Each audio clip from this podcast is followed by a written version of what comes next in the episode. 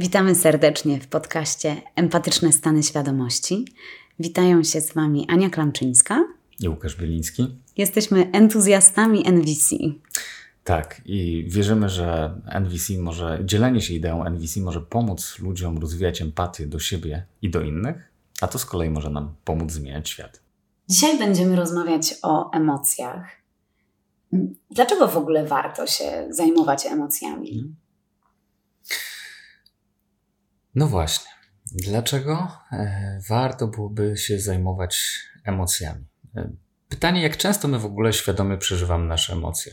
E, myślę, że nie często i wiele osób, szczególnie w czasach, gdzie tak gonimy za różnymi rzeczami, chodzimy do pracy, wychowujemy dzieci. Robimy dużo rzeczy. Robimy tak. I w szybkim tempie. Dużo rzeczy w szybkim tempie. E, nie zwracamy uwagi za bardzo na te emocje, e, te takie subtelne emocje. Dopiero czasami wybija nas z rytmu e, tego codziennego życia moment, kiedy zaczynamy doświadczać intensywnych emocji, takich jak gniew, poczucie winy czy wstyd, bo one, jak, jak się na przykład bardzo mocno zintensyfikują i pojawią w naszym życiu, to często tracimy kontrolę nad, nad tym, jak my się zachowujemy. E, no i mogą się pojawić różnego rodzaju zachowania, które mogą destruktywnie wpływać e, zarówno na taką relację z samymi nami, ze sobą, jak i relacje z innymi ludźmi. Ale zaczekaj, tracimy kontrolę nad mhm. emocjami czy nad zachowaniami? Nad zachowaniami właśnie. Bo tak. nam się wydaje, że tracimy kontrolę nad tymi emocjami. Mhm.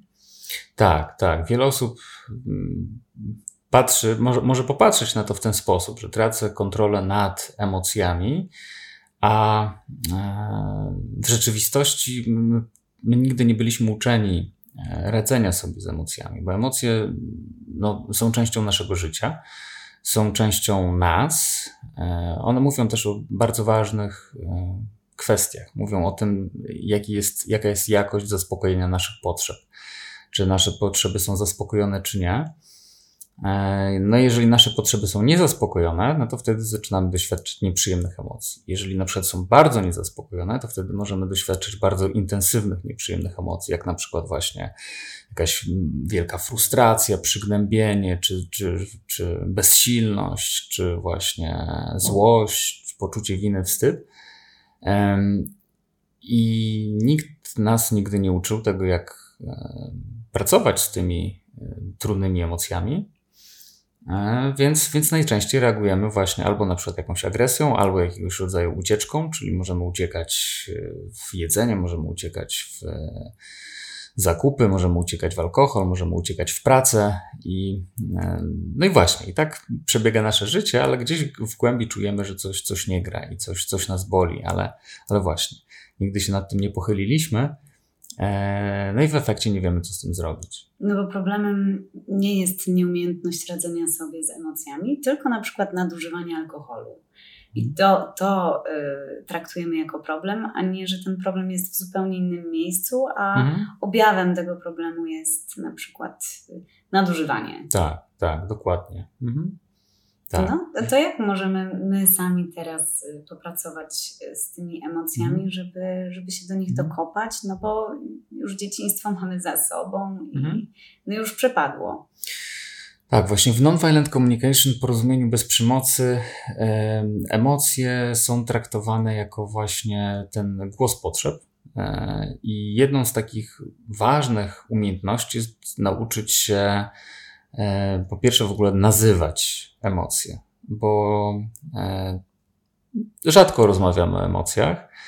Nawet, e, wiesz, nasza kultura uczy nas, że powinniśmy w określony sposób emocje przeżywać, tak? I mamy różnego rodzaju mm, takie narzucone mm, sposoby myślenia o tym, że na przykład, wiesz, facet nie powinien przeżywać e, lęku, tak? Czyli faceci nie płaczą albo smutku. Kobieta nie powinna się złościć, bo złość piękności szkodzi, nie? Czyli mamy w ogóle tutaj już narzucanie ról y, społecznych, jakimi mamy pełnić, plus dodatkowo do tego jest jeszcze podłączona, podłączone co, to, co taka rola powinna przeżywać i czuć. Prawda jest taka, że jesteśmy ludźmi e, i wszystkie emocje są ludzkimi emocjami. Mamy prawo do przeżywania wszystkich emocji, tylko często właśnie mylimy przeżywanie emocjami z wyrażaniem tych emocji. Czyli pewnie jak no, przeżywamy złość, czy, czy dzieci, które na przykład przeżywają złość, mogą tę złość wyrażać na przykład poprzez rzucanie jakimiś przedmiotami albo biciem, e, nie wiem, rodziców, czy, czy rodzeństwo, czy kogoś, czy jakieś dzieci, nie wiem, w przedszkolu załóżmy, e, no to reakcja jest taka, często właśnie podświadoma chyba, że, żeby wyłączyć tą, tą, tą emocję e, i jest komunikat na przykład przestań albo nie denerwuj się, tak, albo uspokój się. No bo jest założenie, że jeżeli nie będziemy przeżywać tej złości, no to wtedy na przykład nikomu krzywdy nie zrobimy. Natomiast y, no, wiąże się to później z tym, że zaczynamy wypierać te emocje.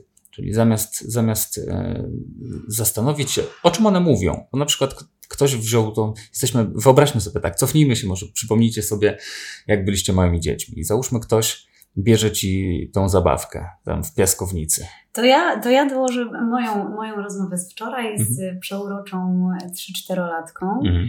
I ona co, co robi w takiej sytuacji? Ona gryzie. Mhm. Tylko, że ona mówi, że ona gryzie wtedy, kiedy jest zła, mhm. więc nawet jest w stanie nazwać te emocje. Mhm. No i później to, przerobiłyśmy całą rozmowę na temat tego, a co innego może robić, kiedy jest zła.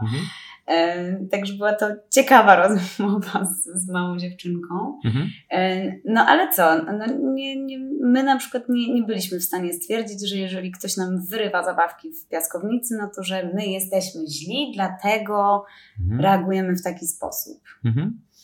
No mamy taką reakcję automatyczną pewnie, taką, która jest y, głęboko w nas zakorzeniona, w, w genach ją odziedziczyliśmy, czyli ktoś nam odbiera dostęp do jakichś ważnych dla nas zasobów, no to reagujemy po prostu atakiem, tak? Jak, tak jak na przykład zwierzę, jak, jak, jak przyglądamy się na przykład jak zwierzaki ze sobą rozgrywają takie sytuacje, jest piesek, który sobie gryzie kość, jakiś inny chce tą kość wziąć, no to mm. jest reakcja e, wtedy e, agresywna po to, żeby prostu ochronić dostęp do zasobów. Tutaj jest podobnie, no mamy jakiś, jesteśmy dzieckiem, mamy dostęp do zasobów, mamy jakąś zabawkę naszą ulubioną, naszego misia, którego kochamy i nagle ktoś na przykład zaczyna go sobie brać. No to nie jesteśmy nauczeni, jak konstruktywnie e, zareagować w taki sposób. Pojawia się złość jako właśnie mechanizm taki trochę obronny, który ma nam pomóc e, który ma nam pomóc, no, no tak. No w rozwiązaniu tak, sytuacji. w rozwiązaniu problemu. No ale nie zostaliśmy nauczeni jeszcze innych, bardziej konstruktywnych metod rozwiązywania problemów. No i wtedy słyszymy na przykład komunikat od naszych rodziców, e, no trzeba się dzielić, e, przestań, daj mu się pobawić tą zabawką. Oczywiście ciekawe, co by było, gdybyśmy, wiesz, poprosili naszych rodziców w podobnej sytuacji. E, wyobraźmy sobie właśnie, że spotykam, spotykają się nasi rodzice, dorośli ludzie z jakimiś innymi dorosłymi ludźmi i ktoś mówi, wiesz co, chciałbym się przyjechać, nawet nie mówi, że chciałbym się przyjechać twoim samochodem, tylko po prostu leżą kluczyki na stole, bierze sobie ktoś twoje kluczyki, wsiada do twojego samochodu. No, jaka byłaby reakcja? No pewnie też intensywna emocjonalnie, no ale, e, no ale, ale dla to, nas to jest oczywiste, no tak? Nie, bo to też zależy, dorosłego. gdzie kto ma ustawione swoje, mhm. swoje granice. Bo jeżeli ktoś od początku mhm. jest przyzwyczajany do tego, że te granice w żaden sposób nie są respektowane i e, no to wtedy, no to wtedy jest oczywiste, że tak nie masz nic do powiedzenia. Mhm. Tak, tylko tu już mówimy o takiej reakcji na przykład rodzica na to dziecko, żeby powiedzmy dzieliło się tymi mhm. zabawkami. Tylko, że jak już patrzymy na, na tą perspektywę dorosłych ludzi, to dla nas jest oczywiste, no, że gdyby ktoś obcy podszedł do, do nas, jak jesteśmy dorośli, sobie wziął jakąś naszą rzecz, no że to jest po prostu nie okej. Okay. Nie okej, okay, mówiąc, mówiąc delikatnie.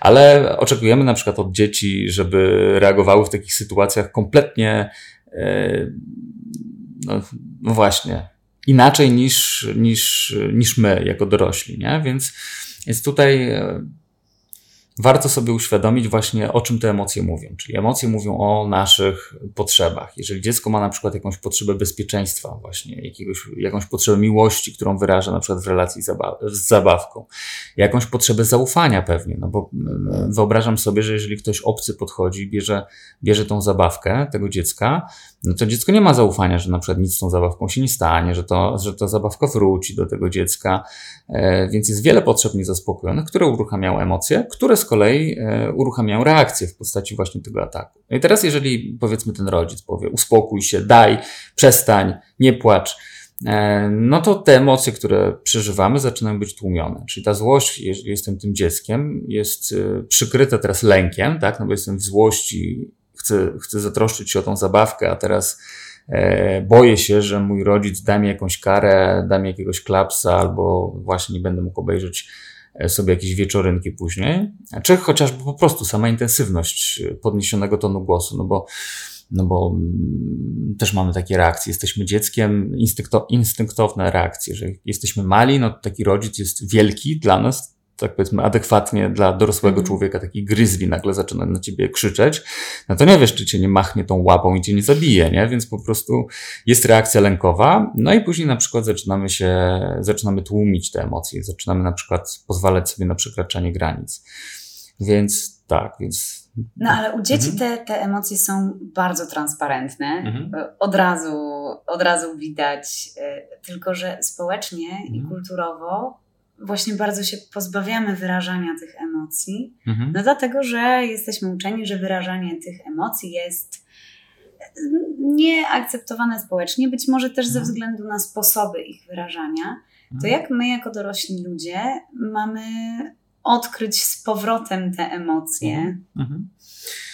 Tak, więc to, to może być taki długoterminowy proces. Jak byliśmy przez wiele, wiele lat uczeni tego, żeby nie przeżywać emocji, nie zwracać na nie uwagi, nie rozmawialiśmy o emocjach od małego, to po pierwsze możemy nawet nie mieć słownika emocji i nie umieć ich nazwać. E, I no właśnie, możemy jedynie móc czasami określić, że ja się albo dobrze czuję, albo źle czuję, ewentualnie jestem głodny albo siku mi się chce, nie? A niekoniecznie e, potrafić e, opisać jakiś stan, szczególnie, że w sytuacjach jakichś trudnych my możemy doświadczać wielu różnych emocji w jednym momencie, czyli na przykład z jednej strony wściekłość, z drugiej strony przerażenie, z trzeciej strony bezsilność, z czwartej strony jakiegoś rodzaju e, frustrację, trochę zawstydzenia, trochę Mm, no dobra, ale tutaj tak. mówisz, wszystkie z wymienionych mhm. są tymi nieprzyjemnymi emocjami, mhm. a możemy równolegle czuć i te przyjemne i nieprzyjemne? No też może tak być, tak? Czyli to możemy wtedy na już przykład, jest jeszcze większy tak, no bo na przykład z jednej strony możemy czuć jakiegoś rodzaju ekscytację, bo coś zaczyna się udawać, jakieś plany zaczynają nam się realizować, a z drugiej strony gdzieś pojawia się w głębi nas lęk, czy to się rzeczywiście uda, czy się nie uda, a, a jeszcze jakiegoś rodzaju na przykład niepokój związany z tym, co jeśli nasze życie się zmieni. Na przykład moglibyśmy dostać jakiś, e, dostajemy informację o awansie. E, no i z jednej strony fajnie, no bo nagle może się okazać, że wiele naszych potrzeb zostanie zaspokojonych dużo bardziej. Na przykład jakąś, mamy jakieś przekonania w naszej głowie, że, e, że powiedzmy będąc na tym wyższym stanowisku, to jest y, przykład y, jakiegoś wysokostatu, wysokostatutowej tak, pozy pozycji, tak? I dzięki temu e, mam jakieś takie poczucie, że, że, że dostanę uznanie od, od środowiska, od innych ludzi, z którymi żyję, a z drugiej strony mogę być przerażony, że na przykład się nie sprawdzę i później stracę zarówno ten awans, jak i później nawet nie wrócę na to samo stanowisko, na którym byłem. Więc okazuje się, że, że tutaj e, no, mogę mieć mieszankę różnych przyjemnych uczuć, jak i nieprzyjemnych uczuć. Tak, więc, więc teraz jak, jak w ogóle tak sobie z tym wszystkim radzić? no jak?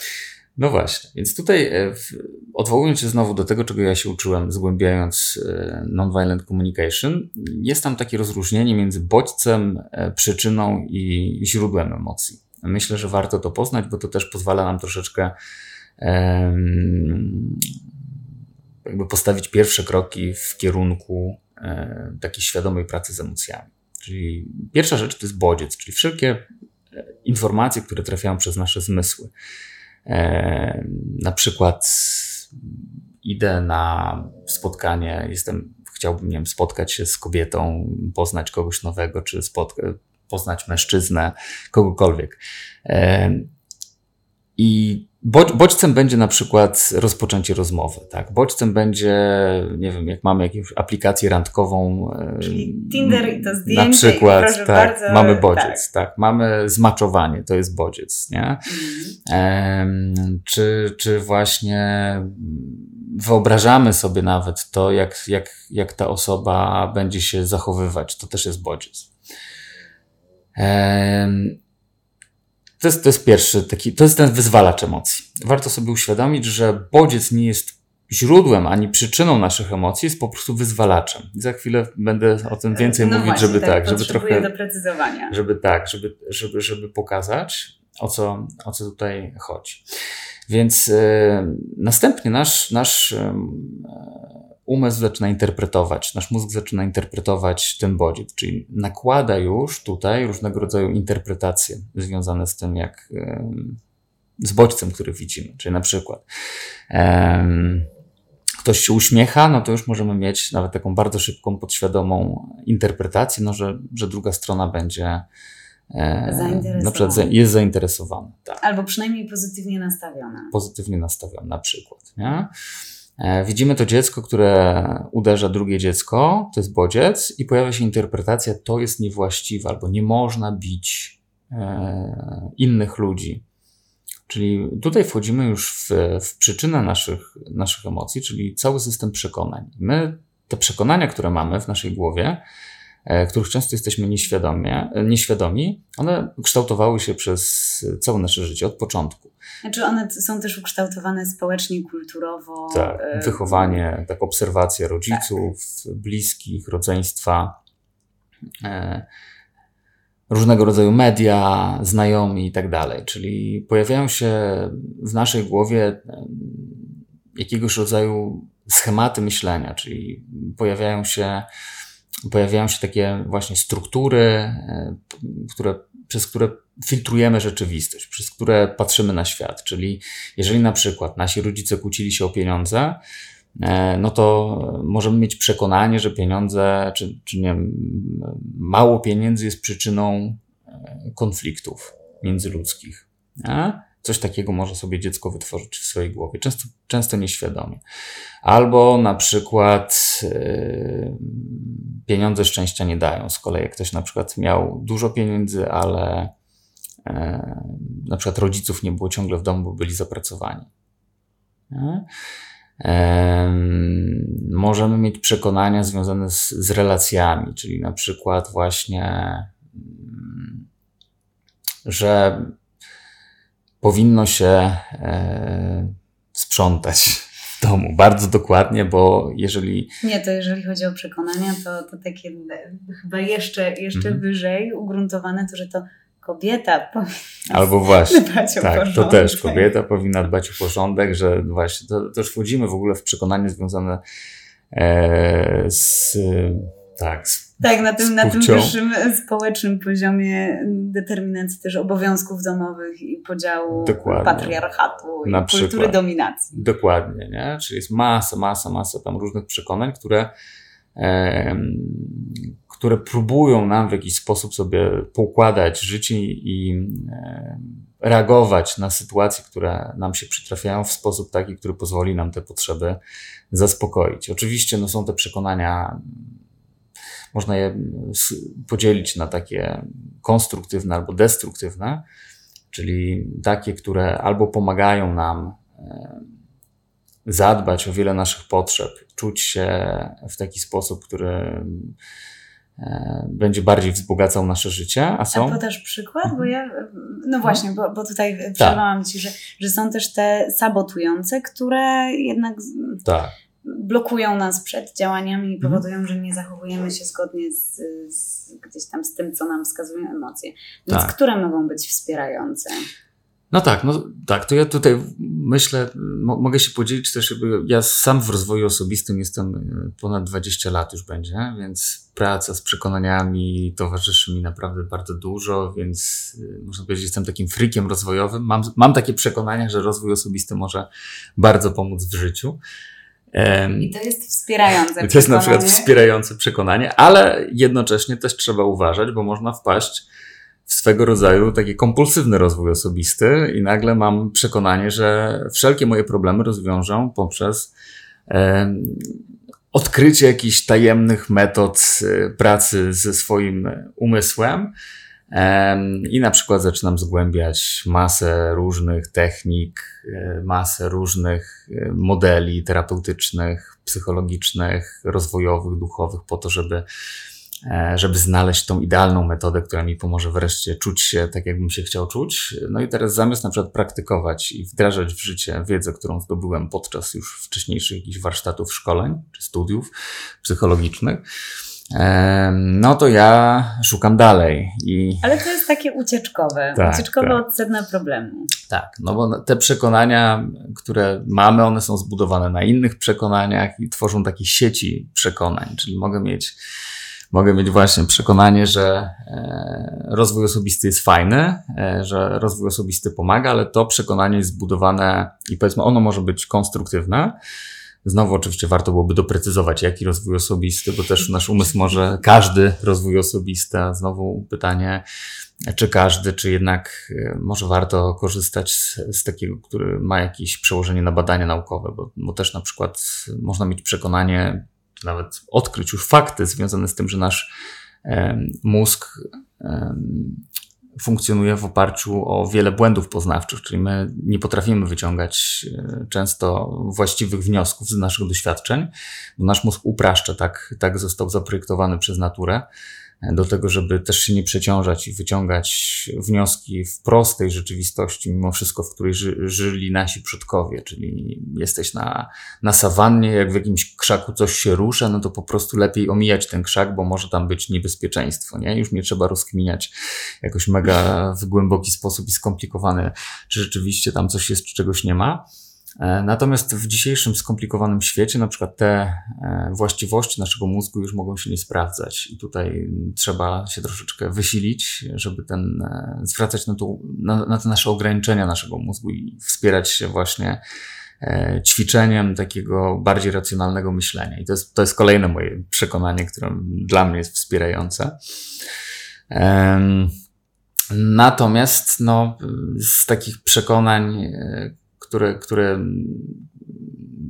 w, w dosyć niedawno było dla mnie takie mocno transformujące, było odkrycie, że, mm, że miałem takie destruktywne przekonanie związane z bezpieczeństwem, z budowaniem, zaspokojeniem potrzeby bezpieczeństwa.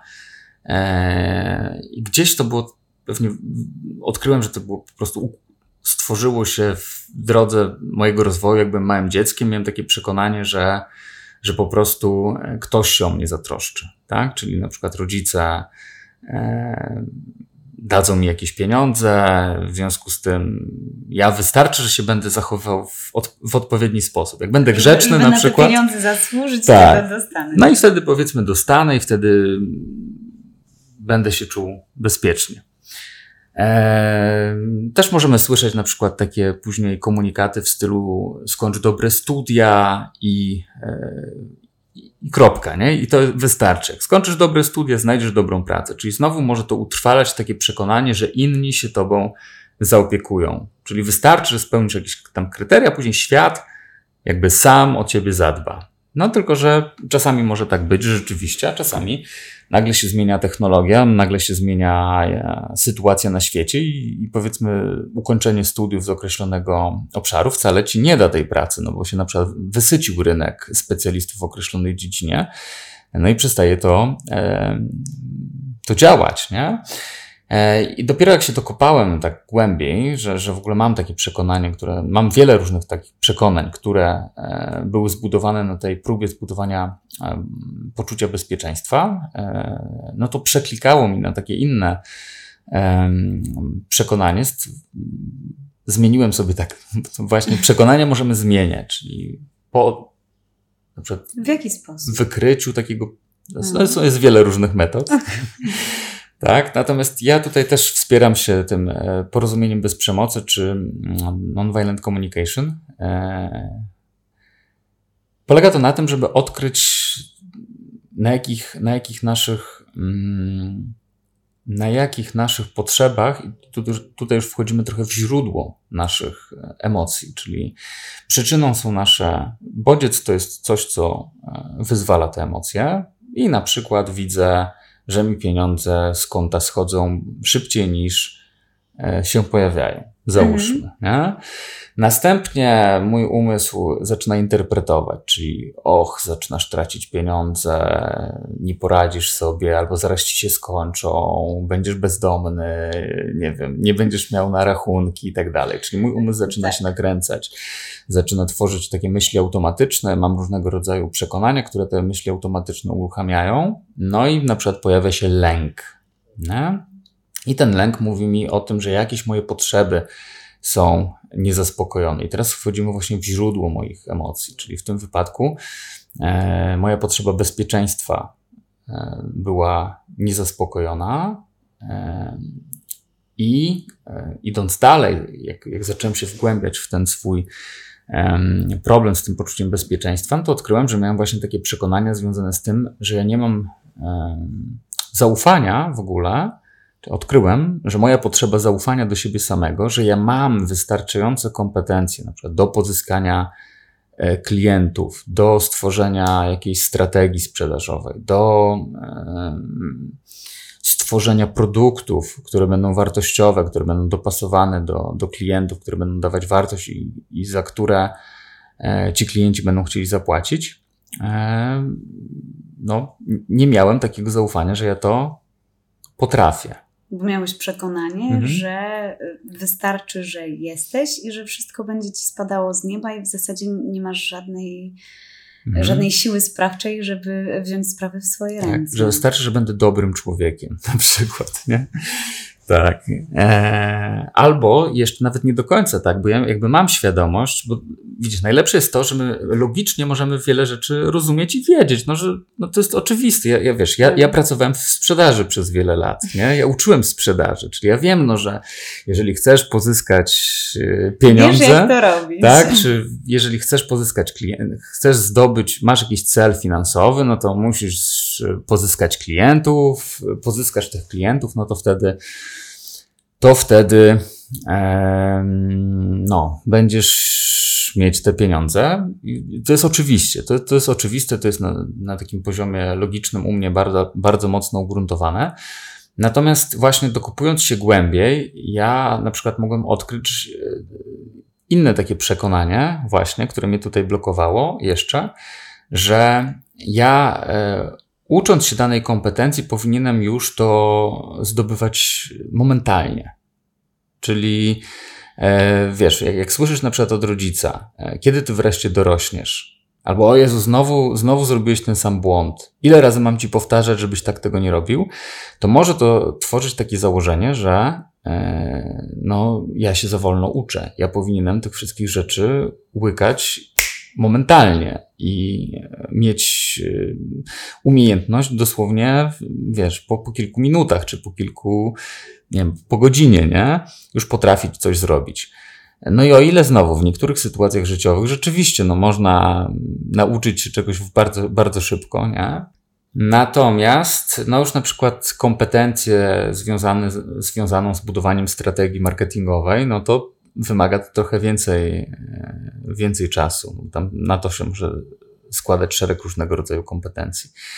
I teraz, jeżeli ja miałem takie właśnie sabotujące przekonanie, że e, powinienem się uczyć szybko, e, czy powinieneś od razu wiedzieć albo od razu nie popełniać wiedzieć, błędów. Tak, i nie popełniać błędów, bo błędy są złe, to jest kolejne przekonanie no to towarzyszyło mi na przykład często dużo stresu. No i ten stres może wypalać, no bo na przykład y, zaczynam budować jakąś strategię marketingową, gdzieś podświadomie cały czas doświadczam dużego napięcia, bo jak byłem dzieckiem i właśnie coś mi nie wychodziło, to wtedy na przykład dostawałem jakiegoś rodzaju e, karę e, czy, czy krytykę i e, tamtej sytuacji, kiedy byłem dzieckiem, na przykład taka krytyka rodzica uderzała w wiele moich ważnych potrzeb, czyli właśnie jakiejś bliskości, miłości, bezpieczeństwa, kontaktu z tym rodzicem, nie?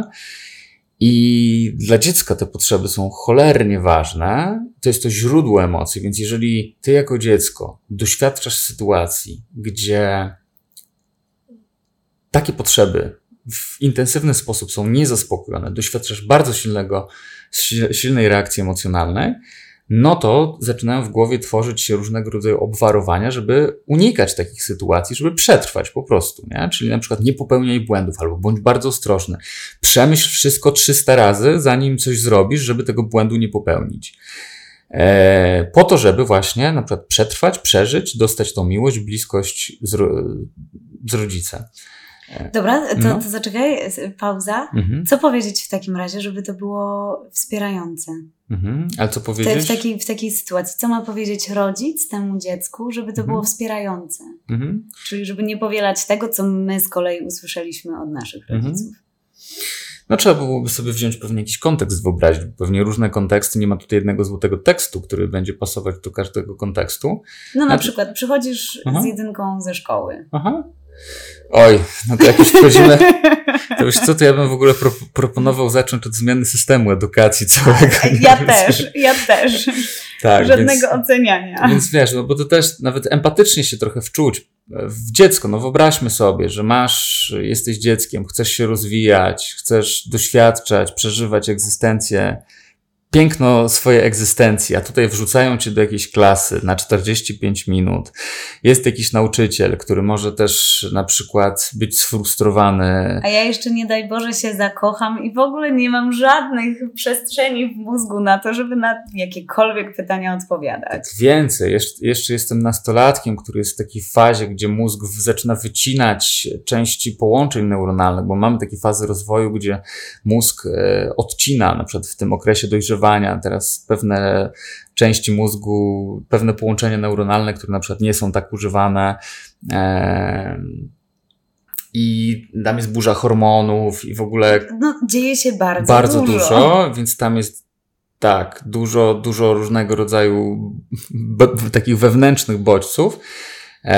No i teraz y, ja, ja, naprawdę mogę nie mieć koncentracji, nie? A poza tym jeszcze więcej, my w szkole w ogóle nie jesteśmy uczeni, jak się uczyć. Też jest takie założenie, często znowu jakieś dziwne przekonania tam funkcjonują, że e, no, no, mamy badania naukowe, które pokazują, że stres no, pogarsza pamięć, tak? Że wyłącza te ośrodki w mózgu odpowiedzialne na przykład za E, te funkcje poznawcze i uruchamia bardziej silny stres, tak? I uruchamia te, te reakcje na przykład ataku, ucieczki albo zamrożenia w sytuacji takiej, kiedy byliśmy na tym, na tej, na tym, no, na tej sawannie i wyskoczył tygrys i nas zamraża i wtedy nie ma tam myślenia, analizowania, jakichś konceptów, tylko po prostu akcje, reakcje. Pewnie każdy z nas doświadczał czegoś takiego, że w silnym stresie E, nawet jak się uczyliśmy, nawet jeżeli pamiętaliśmy, to nagle wychodzimy na środek. E, teraz jesteśmy, tak, jesteśmy znowu też, to też jest znowu niesamowite. No, no, no ile dorosłych osób boi się wystąp, wystąpień publicznych, nie?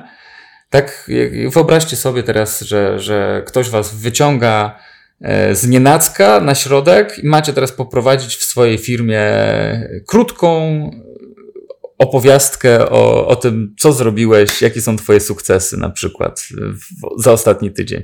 No to myślę, że wielu tych dorosłych to by się strasznie bardzo zestresowało i, i, i nagle by wiele osób było zamrożonych, nie? Na myśl taką, że będą na przykład odpytywani. No a to jest codzienność w szkole, tak? Czyli bierzemy na środek, biorąc pod uwagę jeszcze, że na przykład dla dzieciaków ten ten, też nie jesteśmy uczeni tego, jak budować takie relacje, zdrowe relacje i tam się też mogą uruchamiać takie nasze atawistyczne mechanizmy, typu na przykład um, budowania tej pozycji statusowej, tak? Czyli jesteśmy trochę... No właśnie jak, o tym chciałam jak... powiedzieć, że te dzieci nie mają wyboru. One mają tak. to zrobić i tyle, bo dorosły im każe. Tak. I dochodzi do tego jeszcze to, że na przykład jak ty się ośmieszysz teraz przed klasą, no to spadniesz w hierarchii stada niżej. Mhm. A to jest bardzo ważne, znowu z punktu widzenia takich ssaków, tak? Jesteśmy ssakami, które e, które funkcjonują w stadzie i ta pozycja statusowa kiedyś, bardzo dawno temu miała cholerne znaczenie, no bo po prostu albo zjesz, albo nie zjesz, nie? W zależności... Albo przeżyjesz, albo, albo nie. przeżyjesz, albo nie przeżyjesz w tym stadzie. W związku z tym e, takie mechanizmy się uruchamiają w takich okolicznościach, jak na przykład właśnie w szkole czy w więzieniu na przykład, bo to można pokazać trochę analogii, że też są e, dorosłe osoby wrzucone do zamkniętego miejsca, gdzie za, za dużo wyboru nie mają i, i, muszą też sobie zbudować pozycję statusową w stadzie, od której zależy później przetrwanie. Więc jeżeli dziecko jest bodźcowane tak wieloma, że mamy tyle wyzwalaczy, dodatkowo tyle przekonań, jeszcze takich mechanizmów, zwierzęcych, które, które w nas funkcjonują. Do tego mamy sfrustrowanych nauczycieli, jeszcze upał, nieklimatyzowane sale, szko sale szkoleniowe, sale lekcyjne.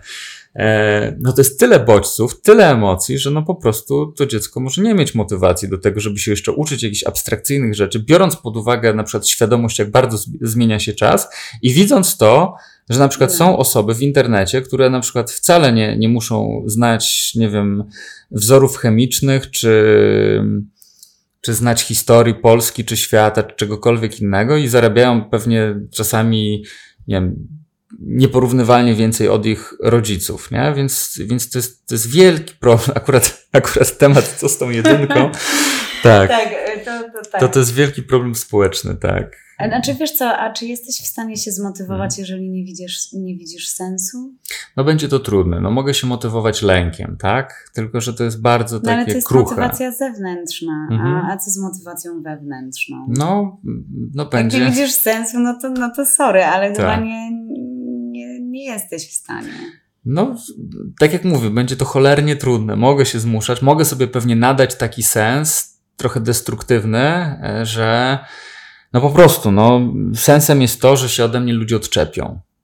Jak, jak powiedzmy usiądę do tej nauki, nauczę się, no to się przynajmniej odczepią, nie? I to, i to mi nadaje jakikolwiek sens. Ale jak, nawet tak, ale jeżeli ja mam na przykład silną potrzebę wolności, silną potrzebę no to autonomii. Już się nie przekonasz w ten sposób. To mogę być w silnym konflikcie wewnętrznym. Mogę czasami latać od skrajności do skrajności. Czyli mam moment, że na przykład, dobra, siadam, bo się boję, albo już jestem zmęczony tym e, suszeniem mi głowy i wtedy zaczynam i wtedy zaczynam, no, wtedy zaczynam się uczyć, no ale w pewnym momencie mi się już jakby zaczyna ulewać i, i wtedy Rzucasz wchodzę. To wszystko tak, i rzucam wystarczy. to wszystko i wystarczy, tak? I, I na przykład nie jestem w stanie wytworzyć sobie takiego zdrowego przekonania związanego z tym, że na przykład warto jest systematycznie włożyć wysiłek w jakieś działania, bo wtedy możemy osiągnąć cel. Bo jeżeli ten cel już przez, czy wiele celów w naszym życiu, tym jak byliśmy dzieciakami, E, nie miało sensu, no to ja nie chcę tworzyć sobie jakichś planów i uprawiać systematyczności po to, żeby osiągnąć coś, co mi tego sensu nie da.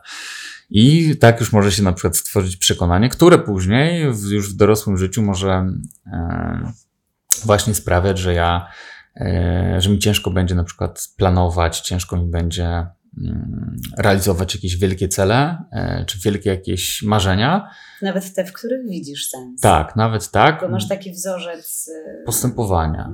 Mhm. Mhm. A jeśli jak jeszcze mam do tego właśnie lęk przed porażką, chociaż no, elementem rozwoju uczenia się, nawet no, pytanie, co to znaczy w ogóle porażka, bo to też no Właśnie, jest, bo ja tak. myślałam, że y, obawa przed błędami, a tak. niekoniecznie przed porażką, bo to nie jest. Synonim. No właśnie, więc mamy błęd. A, a idąc dalej, czy w ogóle błąd istnieje, nie? Czy po prostu bardziej jeszcze można iść w informację zwrotną, że zrobiłem coś, czy coś, jakiś dokonałem jakiegoś działania i moje działanie przyniosło określony rezultat, nie? Czyli jest przyczyna, jest skutek. Czyli w ogóle patrzeć, no, że są jakieś działania, które przynoszą określone skutki, czy te skutki mi pasują. Jak nie pasują, to zmień, zmień działania, żeby y, osiągnąć inne skutki. Nie?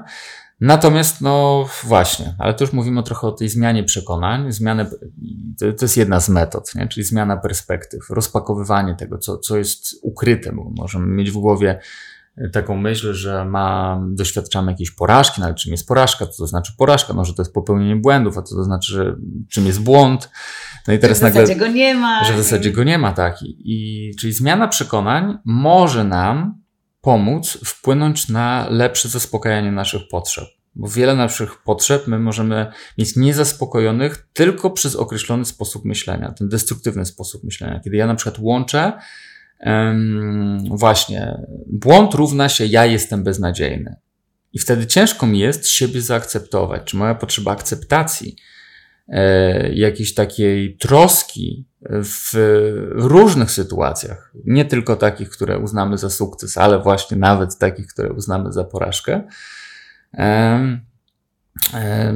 dawałoby mi siłę, ale jak ja mam tylko i wyłącznie jedną, czyli powiedzmy to uznanie mogę dostać, czy jakieś wsparcie, poklepanie po, po plecach wtedy, kiedy ja odnoszę sukcesy, a kiedy na przykład odnoszę porażki, to dostaję krytykę, dostaję jakiś na przykład mm, dystans e, mm. bliskich mi osób, no to ja się mogę tego tak bardzo bać, że nie podejmuję działań w ogóle, bo na wszelki wypadek e, nie chcę się narażać na podobne znowu nieprzyjemności, które gdzieś w tyłu głowy mam zakodowane. I właśnie przed pracą terapeutyczną, uświadamianie sobie tego, jak, jak my e, myślimy i od uczania się tego myślenia, które nie zaspokaja nam naszych potrzeb i tworzenia nowych perspektyw, które pozwolą nam te potrzeby bardziej zaspokajać, może pomóc nam e, no, żyć dużo e, lżej, przyjemniej i jednocześnie mm, pomóc nam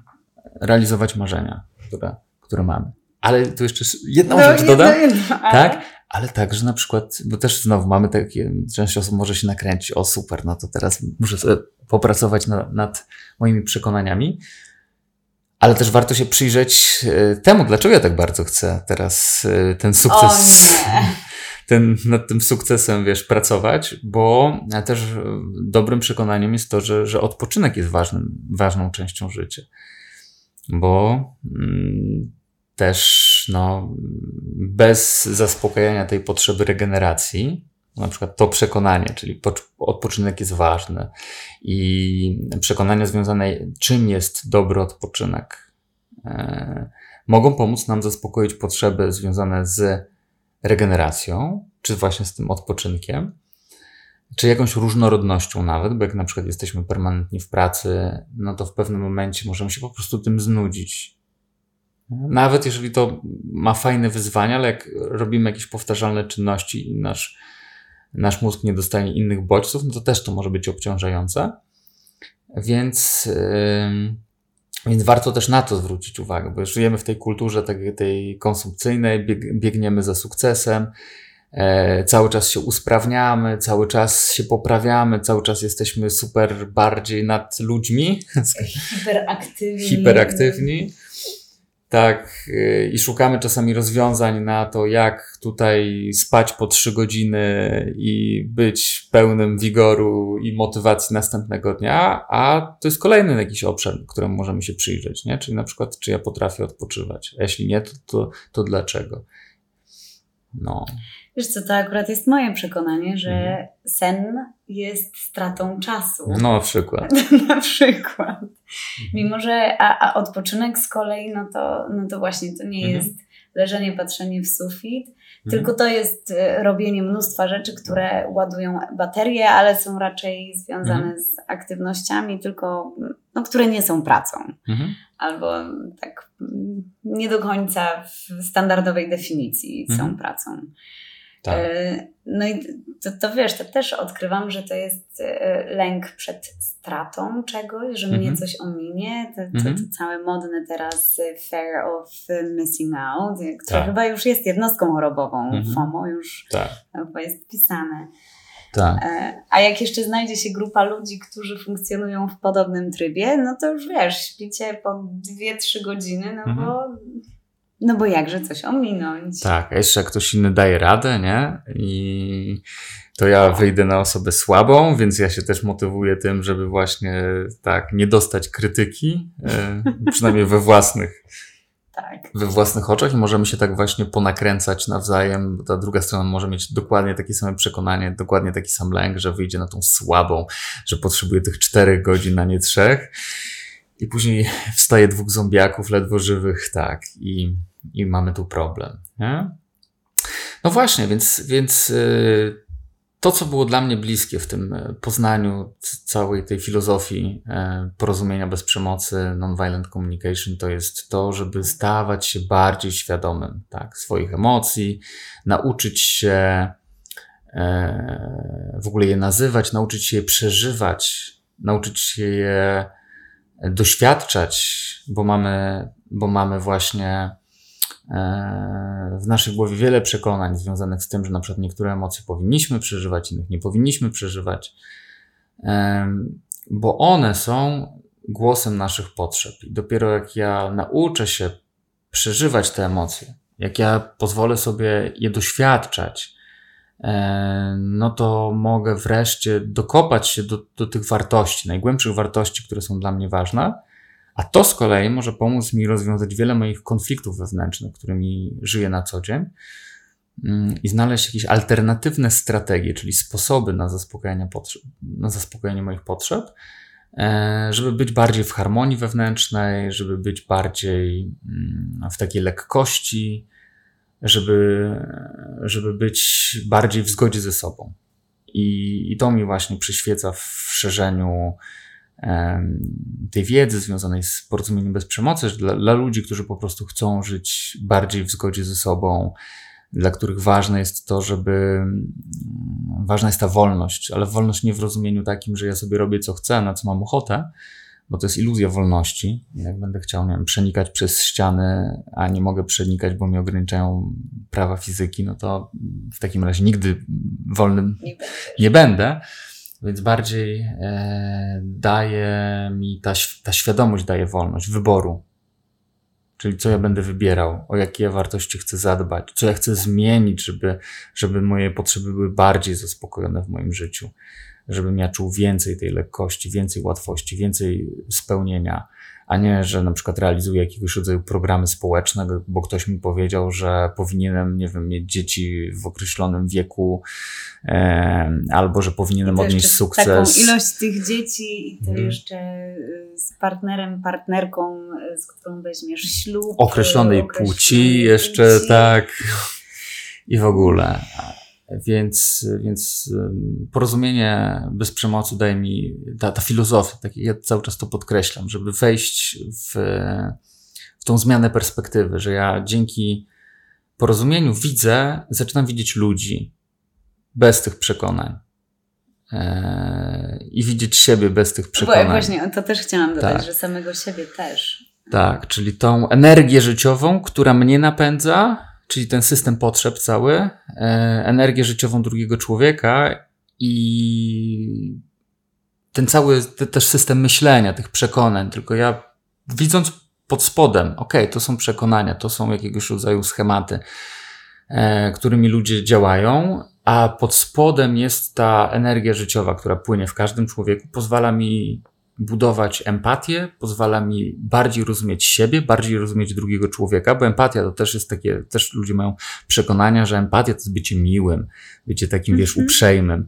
A e, dla mnie empatia to jest po prostu świadomość, tak? Czyli jestem świadomy siebie, świadomy drugiego człowieka. Nową, nową definicję na Wikipedii. Mm. Może tak.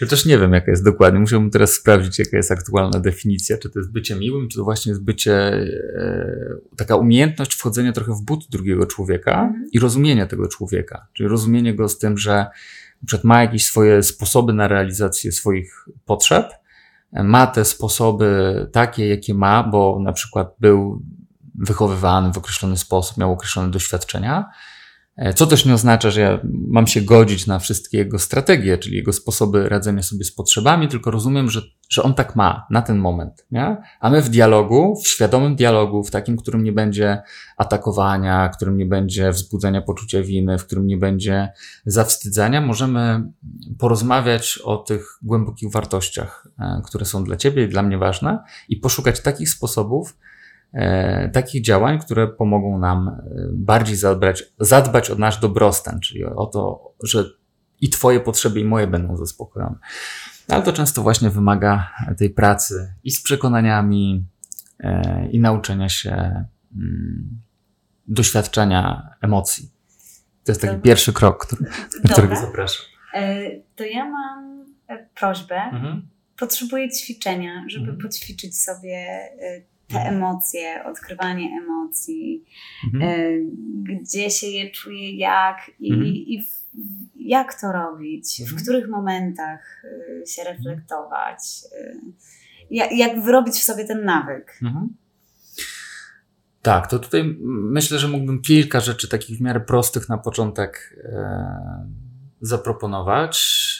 Jedną to jest takie trochę pozwracanie uwagi na przekonania e, w głowie, które mi się pojawiają, czyli zadać sobie takie pytanie, jak ja w ogóle postrzegam moje emocje, co ja sobie myślę o tym, żeby przeżywać emocje. I na przykład różne emocje, wziąć na przykład, jaki ja mam stosunek do mojego smutku, jaki mam smu- stosunek do, mojego, do mojej złości, jaki ja mam stosunek do na przykład mojej bezsilności i tak No, ale dalej, i tak dalej. Nie, nie, nie, nie. Mhm. To, bo to już mam wrażenie, że jest Mhm. tak dość mocno, e, trzeba być ugruntowanym. Mhm, A w sytuacji, kiedy robisz wszystko, żeby mhm, nie odczuwać smutku, bo jak Mhm. a jest ci smutno, a no dobra, no to wyjdę sobie do kina, gdzieś tam, gdzieś tam, Mhm. gdzieś tam i no i już nawet nie mam czasu o tym pomyśleć. mhm. No to gdyby mi się udało, jeżeli mamy wchodzić w takie ćwiczenie, żeby sobie wypisać te myśli, dla, dlaczego ten smutek na przykład y, nie chcę go przeżywać, nie? Y, Bo jak ja sobie wypiszę takie myśli, to już mi może dać trochę taki dystans, bo ja mogę za- zacząć zauważać i za- i zadać sobie mogę takie pytanie, skąd mi się w ogóle wzięły takie myśli?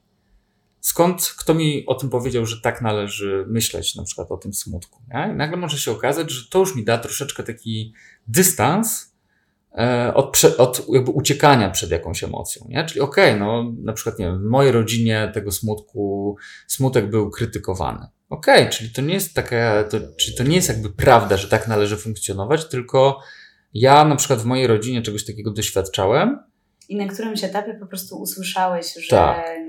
Można być smutnym i to się w tobie aż tak zakorzeniło. Tak. I to jest jedna, jed, jedna na przykład z metod, takich trochę, do odblokowywania się na przeżywanie emocji, żeby w ogóle pozwracać uwagę, co ja o tym myślę. Bo już mi to może dać dystans, to już może mi pokazać, że ktoś mnie tego nauczył, że to nie jest prawda objawiona, że to nie jest jakby fakt, y, że, że to nie jest cecha właściwa rzeczywistości, czy, czy egzystencji. Po prostu ktoś mnie tego, ktoś mnie nauczył takiego myślenia.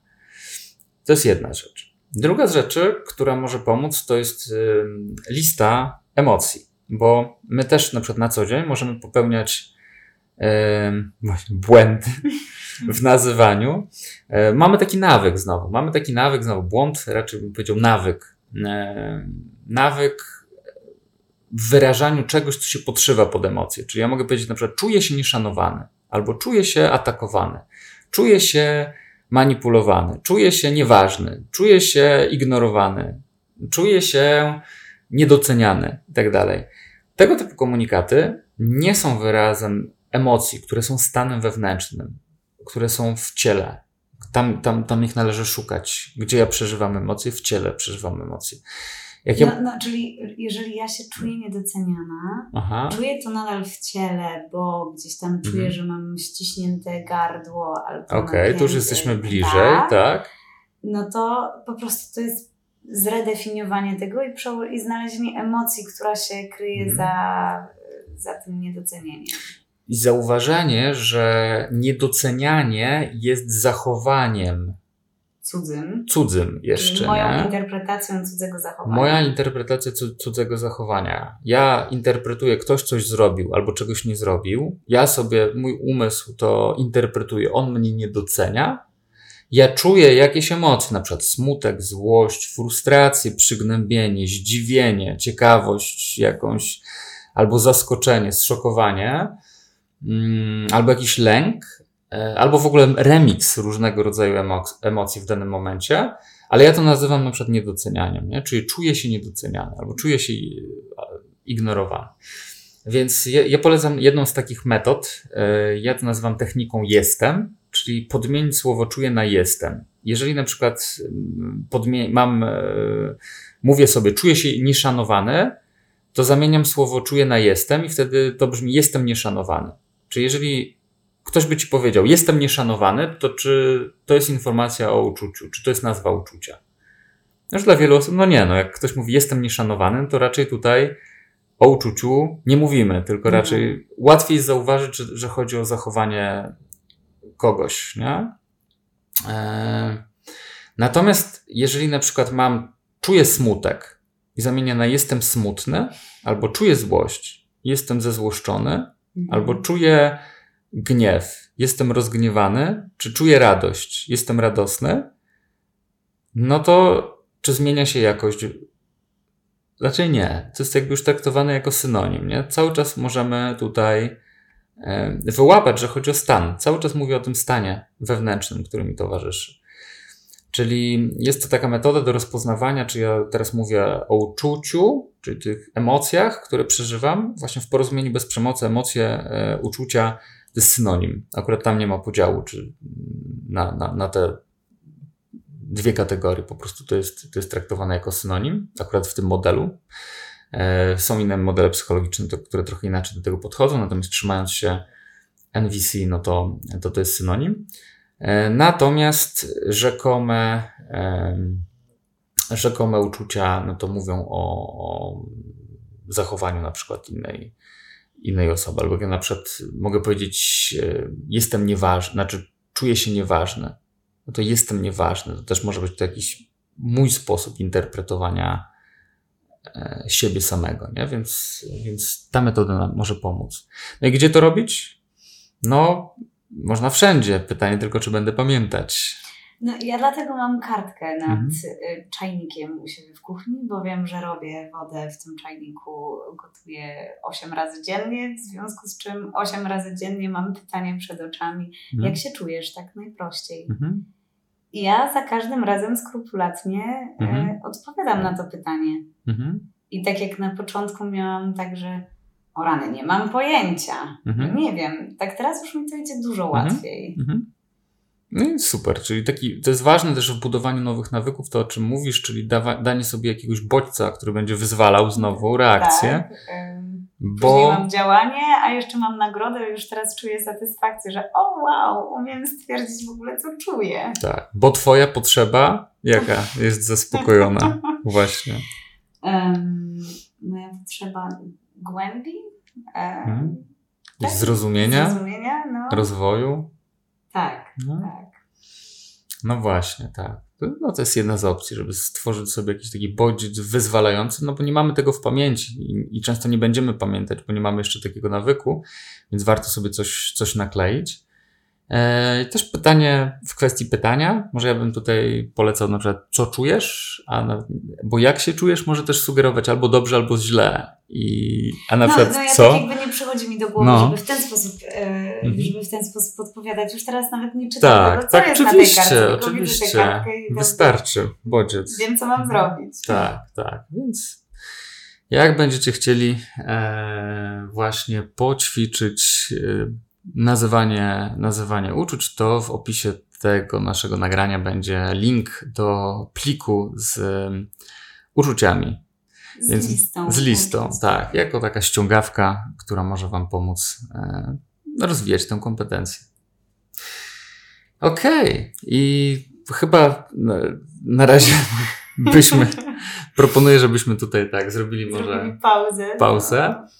E, I w jakichś w kolejnych nagraniach, w kolejnym nagraniu ja bym chciał chyba rozwinąć ten temat związany z potrzebami, bo to jest taki rdzeń, korzeń tego porozumienia bez przemocy i on jest bardzo mocno związany właśnie z emocjami, więc no, zapraszamy wszystkich do e, słuchania kolejnych nagrań, jeśli temat Was interesuje, ciekawi. Tak, bo dzisiaj było dużo o emocjach, o przekonaniach. Mhm tych wspierających i niewspierających. Mhm.